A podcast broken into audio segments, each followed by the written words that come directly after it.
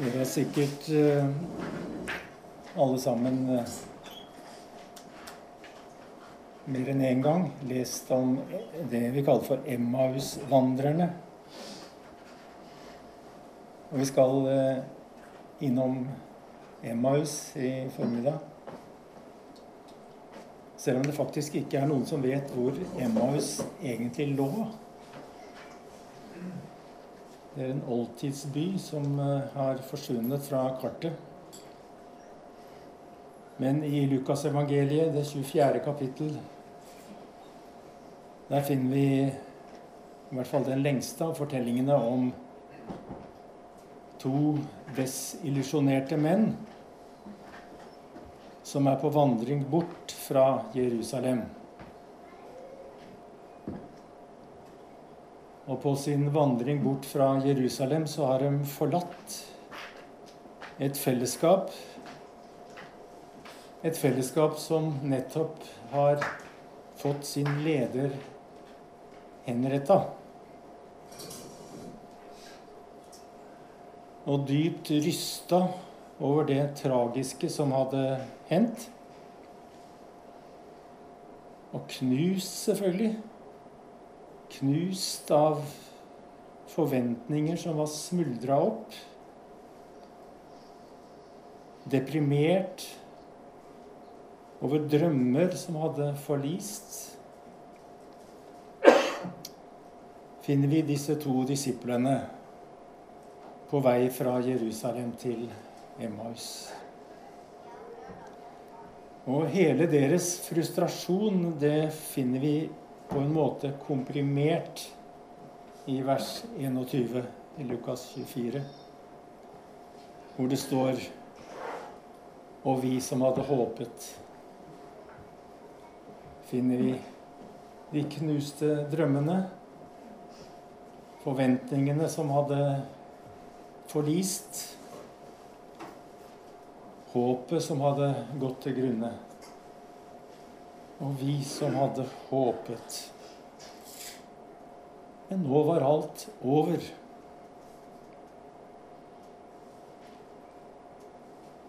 Og nå skjer det at eh, på veien der de går, så møter de en ukjent person som slutter seg til dem på vandringen. Og denne ukjente personen hører dem snakke om det som hadde skjedd i Jerusalem. Og den ukjente mannen, han sier til dem Hva er det dere går og snakker så ivrig om? Da stansa de og så bedrøvet opp, står det.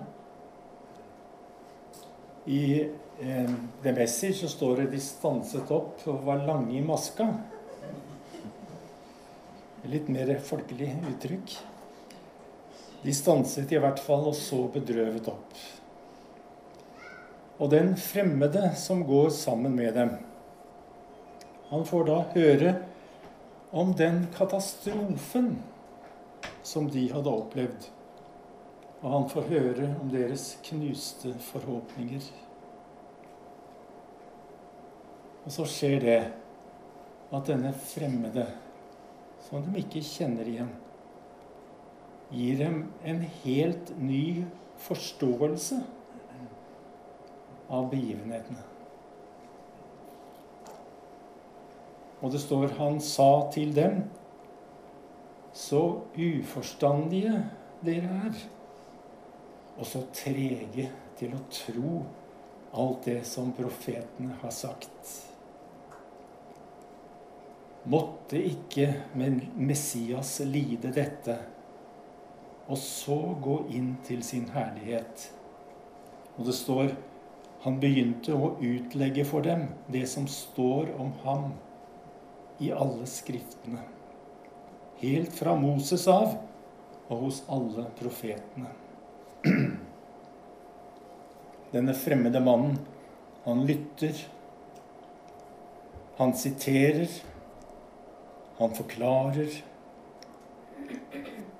Og gjennom å lytte og forklare, så undergraver han sakte den massive sorgen.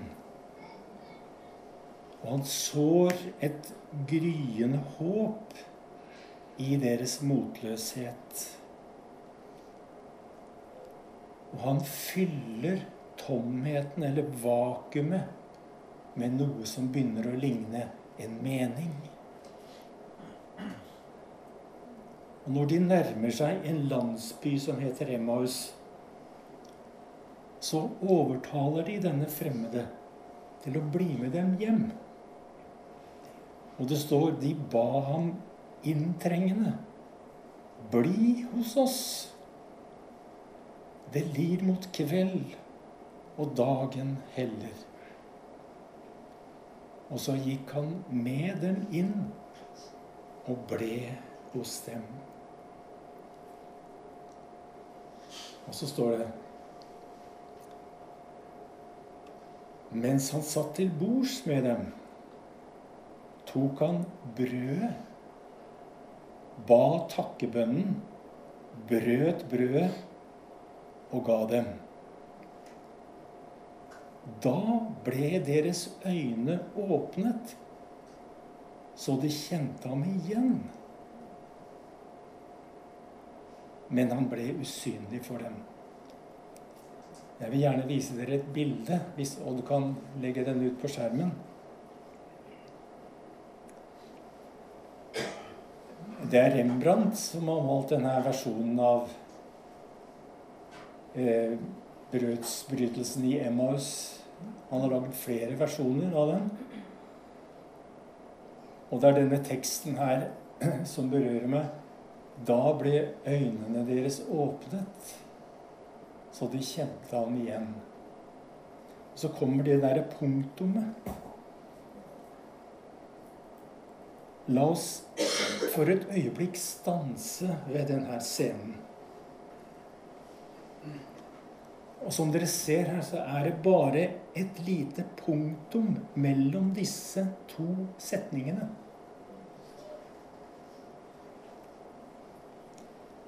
Og det som skjedde etter dette punktumet, det var dramatisk. De så hvem det var som satt sammen med dem. Og de så hvem det var som brøt brødet. Det var Jesus selv. Det var han de hadde trodd på. Det var han de hadde satt sitt håp til. Og det var han de trodde de hadde mista.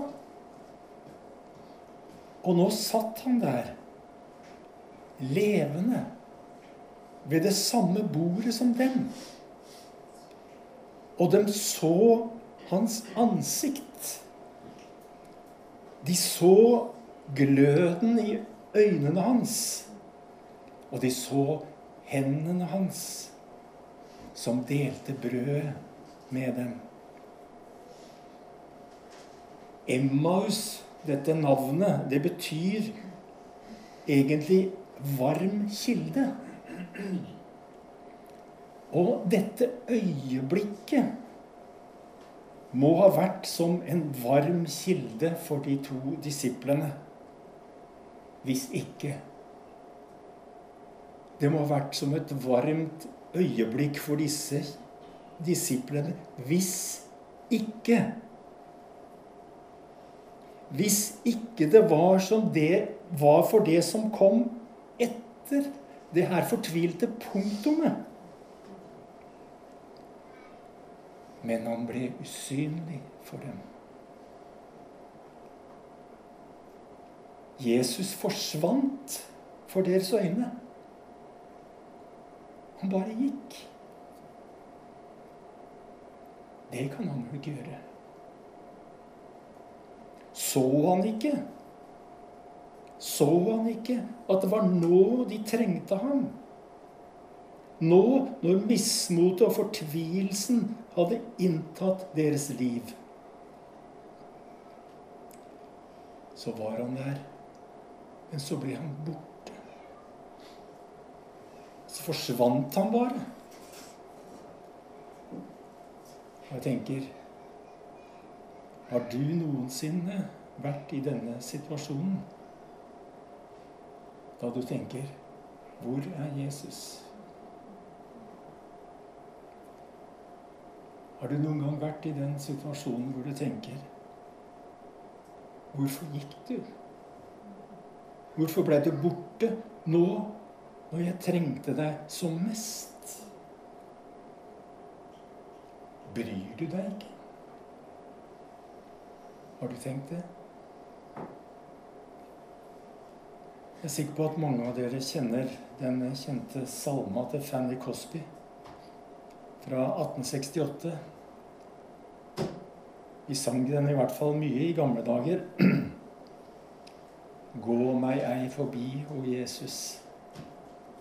Hør min bønn til deg. Har dere hørt den? Det ligger et par veldig fine versjoner av denne sangen ute på YouTube med Synnøve Aanensen. Gå meg ei forbi, o Jesus. Hør min bønn til deg. Hvis jeg kunne synge, så ville jeg gjerne hatt sunget denne vesle setningen. Men det tar jeg ikke sjansen på. Men jeg kjenner igjen den her mm, desperate bønnen. Ikke gå forbi meg, Jesus. Ikke bli borte for meg. Og akkurat det øyeblikket for disse to disiplene det må ha vært sjokkerende. Det må ha vært et øyeblikk her hvor det her punktumet som må ha vært helt desperat for de to, to disiplene. For i et øyeblikk så må de ha fått et slags flashback. Og for et øyeblikk så hogg angsten tak i dem igjen. I et kort moment, kanskje, så søker det kjente mørket seg tilbake i det rommet i hjertet hvor det hadde fått plass. Og for et øyeblikk så finner det rommet ledig, feid og pynta. Men, men bare i noen sekunder. Bare i noen sekunder. For det var noe nytt som hadde skjedd i dette møtet med Jesus.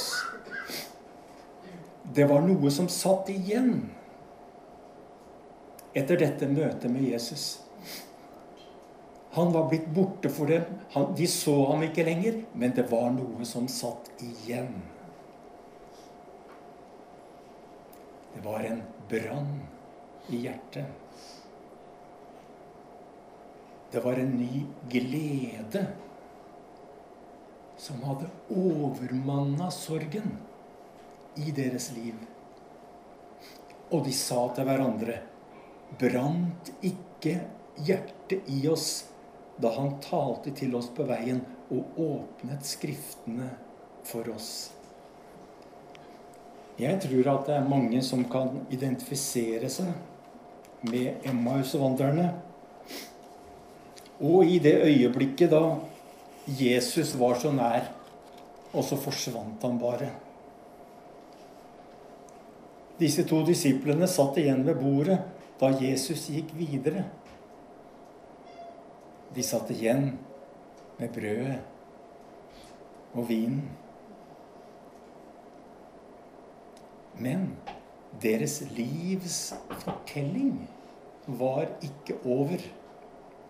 Og deres historie med Jesus var heller ikke over. De satt igjen med noe. De satt igjen med, et, med en brann i hjertet.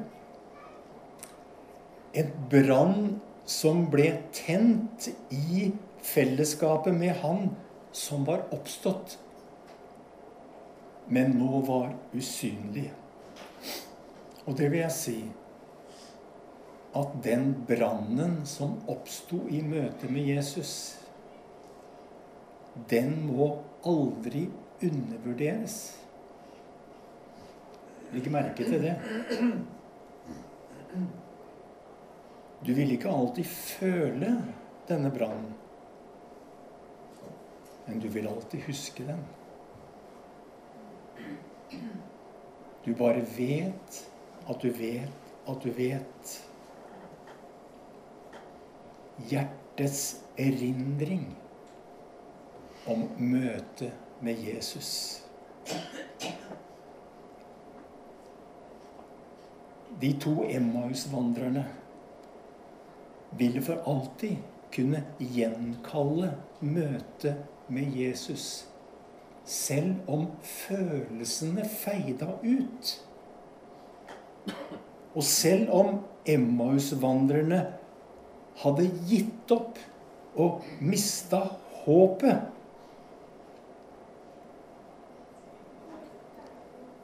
Så hadde Jesus ikke gitt opp dem. Og dette kan også skje oss. At vi går nedslått og deprimert og har mista håpet. Mens Jesus selv går sammen med oss. Vi ser ham bare ikke. Vi gjenkjenner ham ikke. Men når vi har gitt opp håpet om å finne ham, så finner han oss. Og han kommer til oss med en alternativ tolkning av det som har skjedd i våre liv. Alt som har skjedd, kommer i et nytt lys gjennom møtet med Han. Og han åpnet ikke bare Skriftene for Emmaus-vandrerne. Han snakket på en måte som åpna deres hjerter.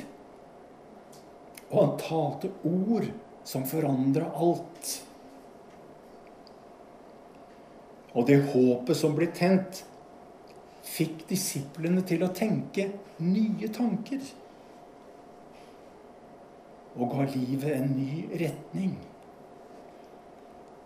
apostelgjerningene 11-14 står det at han skal tale til deg med ord som kan sette deg fri. Ord som kan sette deg fri og hjelpe deg til å ta de rette valgene. De to disiplene de endra kursen her. De snur og vender tilbake til Jerusalem med en behold, ny beholdning i sitt hjerte. Og det som så ut som et tap, det viser seg å bli en ny og dypere innsikt. Det som så ut som et tap, ble en nødvendig dypere erkjennelse. En innsikt og erkjennelse som de bærer med seg i et brennende hjerte som en ny glede tilbake til Jerusalem. Og her skal jeg legge til noe Noe som kan være til hjelp når det virker som om Jesus har forsvunnet og blitt usynlig. Noe som kan ha betydning når alt det som blir sagt, bare blir tomme ord. Mørket forsvinner ikke. Du har ikke kommet over tapet. Og du husker knapt nok møtet med Han. Da fins det noe. Da fins det noe som faktisk trumfer alle følelser og tanker det er trofasthet. Det er noe som apostelen Paulus framhever som 'framfor alle ting'. Det er et sterkt uttrykk. Og I 1. Korinterne 4,2 sier apostelen 'framfor alle ting'. Altså først og fremst kreves det av Guds tjenere eller forvaltere at de er trofaste. Så det er altså ikke følelsene eller erfaringene eller opplevelsene som veier tyngst i dette bildet. Trofasthet veier enda tyngre. Med andre ord bli stående. Eller som svenskene sier så fint 'stanna kvar'. Det kommer nye tider. Og det er altså ikke den store troen som er så viktig. Det er ikke de sterke, svulmende følelsene. Men det er trofasthet. Og Bibelen sier at åndens frukt er trofasthet. Og jeg tenker at eh, den dagen vi kan bære noe fram for Gud, den, den dagen vår sjel skal høstes inn Da er det ikke først og fremst følelser vi kan bære fram og legge ned for Gud. Men jeg tenker at trofasthet Fremfor alt, sier apostelen Paulus, kreves det av Guds tjener at de er trofaste. Så la oss da legge trofastheten framfor Gud den dagen vår sjel skal høstes inn.